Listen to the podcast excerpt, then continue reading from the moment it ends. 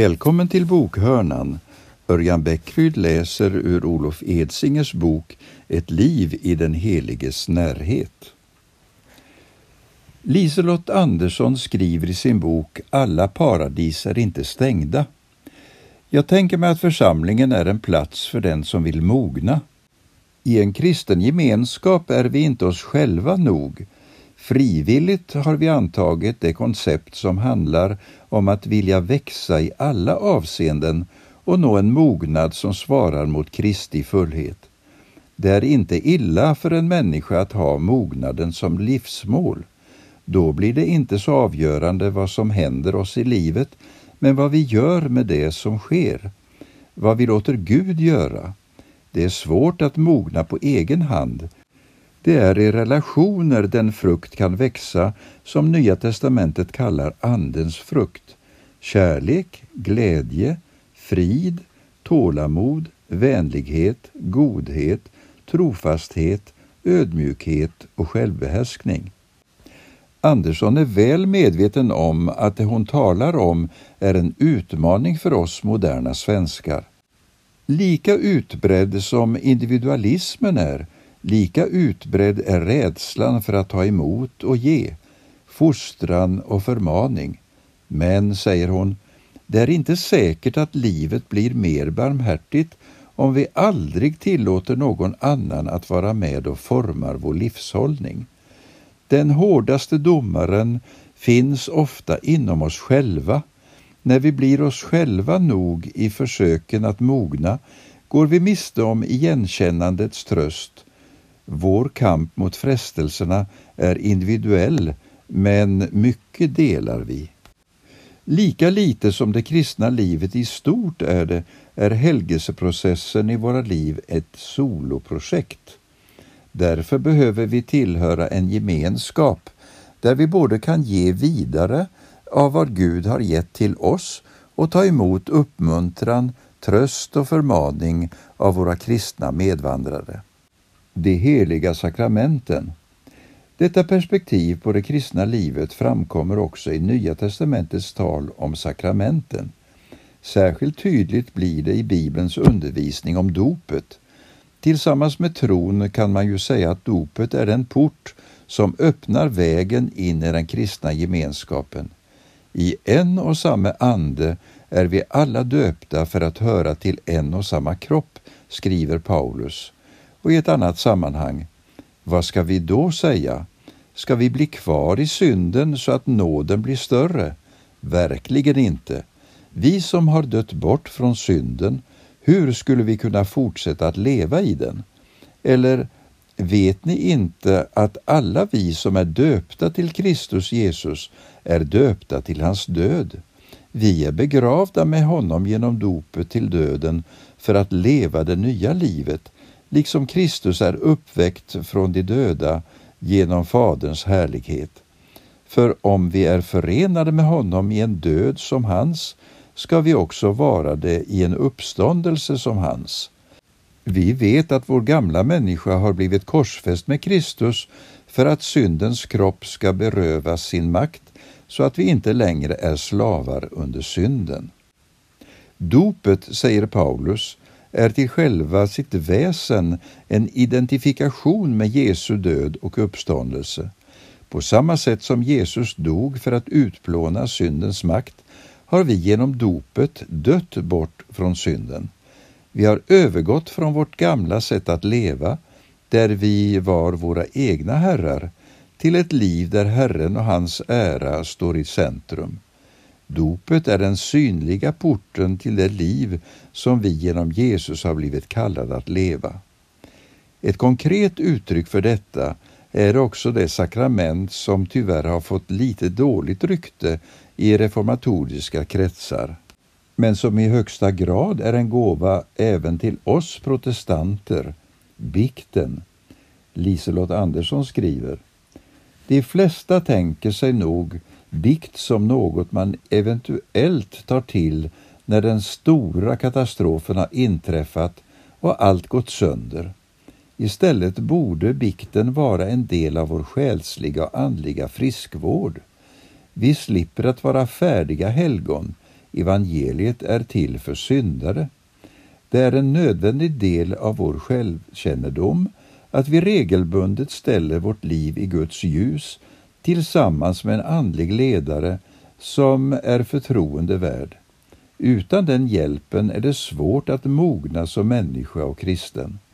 Svårlösta konflikter i en församlings ledarskap skulle se annorlunda ut om alla regelbundet gick till bikt.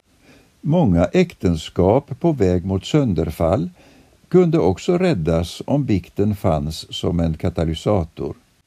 Till biktens rum går en människa naken och klädd, naken i sig själv och klädd i tron på Guds nåd. Bikten kan ske både i det stängda och i det offentliga rummet. Särskilt under tider av väckelse har behovet av att göra upp med den egna synden ibland blivit så stort att bekännelsen har bubblat över också vid de stora sammankomsterna. Men även om vi känner oss obekväma med detta tror jag att vi behöver utmanas av möjligheten att utöka biktbåset åtminstone till att omfatta hemgruppsgemenskapen. Djupt nedlagt i oss själva tror jag nämligen att det finns ett behov av att få vara genomskinlig inför människorna i vår omgivning.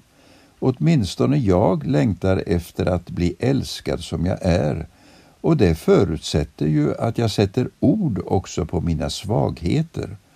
Vilket forum skulle kunna vara bättre lämpat för detta än församlingen, den gemenskap där alla har det gemensamt att vi är syndare frälsta av nåd. När denna del av Bibelns budskap får tränga igenom i vårt sätt att relatera till varandra tror jag att gemenskapen kan börja närma sig sin nytestamentliga förebild.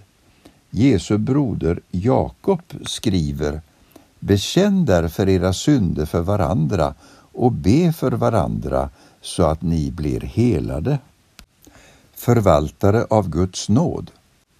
En nödvändig förutsättning för det som jag nu har beskrivit är förstås att vi ser synden i våra liv som ett problem. Men både i och utanför kyrkan tycks vi idag ofta vara mer intresserade av att hitta ursäkter för vår synd och vår bristande helgelse än av att på allvar ta upp kampen mot frestelserna. Vi är ju inte mer än människor, säger vi. Vi får inte ställa för höga krav. Bibelns författare har ett radikalt annorlunda förhållningssätt till denna fråga. För dem är inte nåden en ursäkt för att fortsätta att leva i synd. Tvärtom är synden något som med alla till stående medel behöver bekämpas. Både Jesus och apostlarna tycks betrakta synden ungefär som en dödlig sjukdom en elakartad tumör som vi ständigt behöver strålbehandla med Kristi uppståndelseljus. Mina bröder, skriver Jakob, om någon bland er kommer bort från sanningen och någon återför honom, så ska han veta att den som återför en syndare från hans villoväg räddar hans själ från döden och överskyler många synder. Som jag har velat visa på i den här boken är det heliga livet inte ett frivilligt tillägg för särskilt ambitiösa kristna. Det är en kamp som vi alla är indragna i utan undantag. Arbeta med fruktan och bävan på er frälsning, skriver Paulus. Och Hebreerbrevets författare fyller i Sök frid med alla och helgelse, för utan helgelse kommer ingen att se Herren. Se till att ingen går miste om Guds nåd och att ingen bitter rot får växa upp och skada och smitta många. Syndens makt är ett dödligt gift både i våra egna liv och i den gemenskap som vi tillhör. Uppdraget att stötta varandra i vår strävan efter helgelse har därför blivit anförtrott åt den kristna församlingen som helhet. Som Jesus säger, om din broder har gjort dig någon orätt, så gå och ställ honom till svars i enrum. Lyssnar han på dig har du vunnit tillbaka din broder. Men om han inte vill lyssna, ta då med dig en eller två till, för att på två eller tre vittnesmål ska varje sak avgöras. Om han vägrar lyssna på dem, så tala om det för församlingen. Vill han inte lyssna på församlingen heller, betrakta honom då som en hedning eller en tullindrivare. Sannerligen, allt ni binder på jorden ska vara bundet i himlen och allt ni löser på jorden ska vara löst i himlen. Så snart som en människa börjar motarbeta Guds helgelseverk och tar synden i sitt liv i försvar kan man säga att hon på detta område har stängt sig ute från Guds nåd. Genom sitt agerande har hon sagt både till Gud och till människor att hon i just denna fråga vet bättre än Herren. I frågan om denna handling anser hon, ställer Gud en felaktig diagnos och när hon inte längre betraktar sin synd som synd behöver hon naturligtvis inte heller be om förlåtelse. Därmed har nåden i praktiken blivit överflödig och utan att hon ens behöver vara medveten om det har hon ställt sig i opposition mot Gud och hans kärlek. Detta, säger Jesus, får inte ske utan att omgivningen blandar sig i.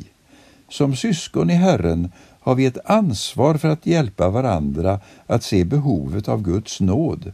Att inte ta denna uppgift på allvar är ett uttryck för kärlekslöshet eller feghet snarare än för omsorg om våra medmänniskor. Och det är väl bara att erkänna att vi är många som är både kärlekslösa och fega. Om just en sådan situation skriver Paulus till församlingen i Korint. Det ryktas faktiskt om sexuell omoral bland er, sådan omoral som man inte ens hittar bland hedningarna, att en man lever ihop med sin fars hustru, och ändå är ni uppblåsta. Istället borde ni ha blivit så bedrövade att den som gjort det hade drivits ut ur er gemenskap. Ert skryt låter inte bra. Vet ni inte att lite surdeg syrar hela degen? Rensa bort den gamla surdegen så att ni blir en ny deg, för ni är osyrade.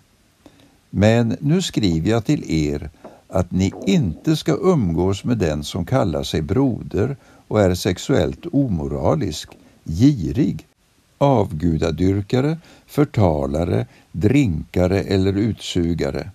Med en sådan ska ni inte ens äta. Att Paulus inte applåderar korintiernas ovilja att tillrättavisa sin medbroder är uppenbart. Om något tycks han betrakta deras beteende som i många församlingar i Sverige skulle anses som både föredömligt och kärleksfullt, som ett svek mot deras kallelse till helighet. Det är nämligen detta som Paulus hänvisar till genom sitt tal om de olika degarna. Den osyrade degen är en av Bibelns många bilder för gudsfolkets helighet. Samtidigt som vi konstaterar detta kan säkert apostelns ord väcka nya frågor hos oss.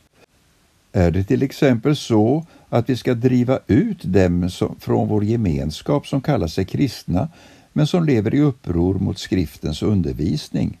Ska vi sluta att umgås med dem som räknar sig till Guds folk samtidigt som de lever i utomäktenskapliga relationer, anställer svart arbetskraft eller flörtar med new age?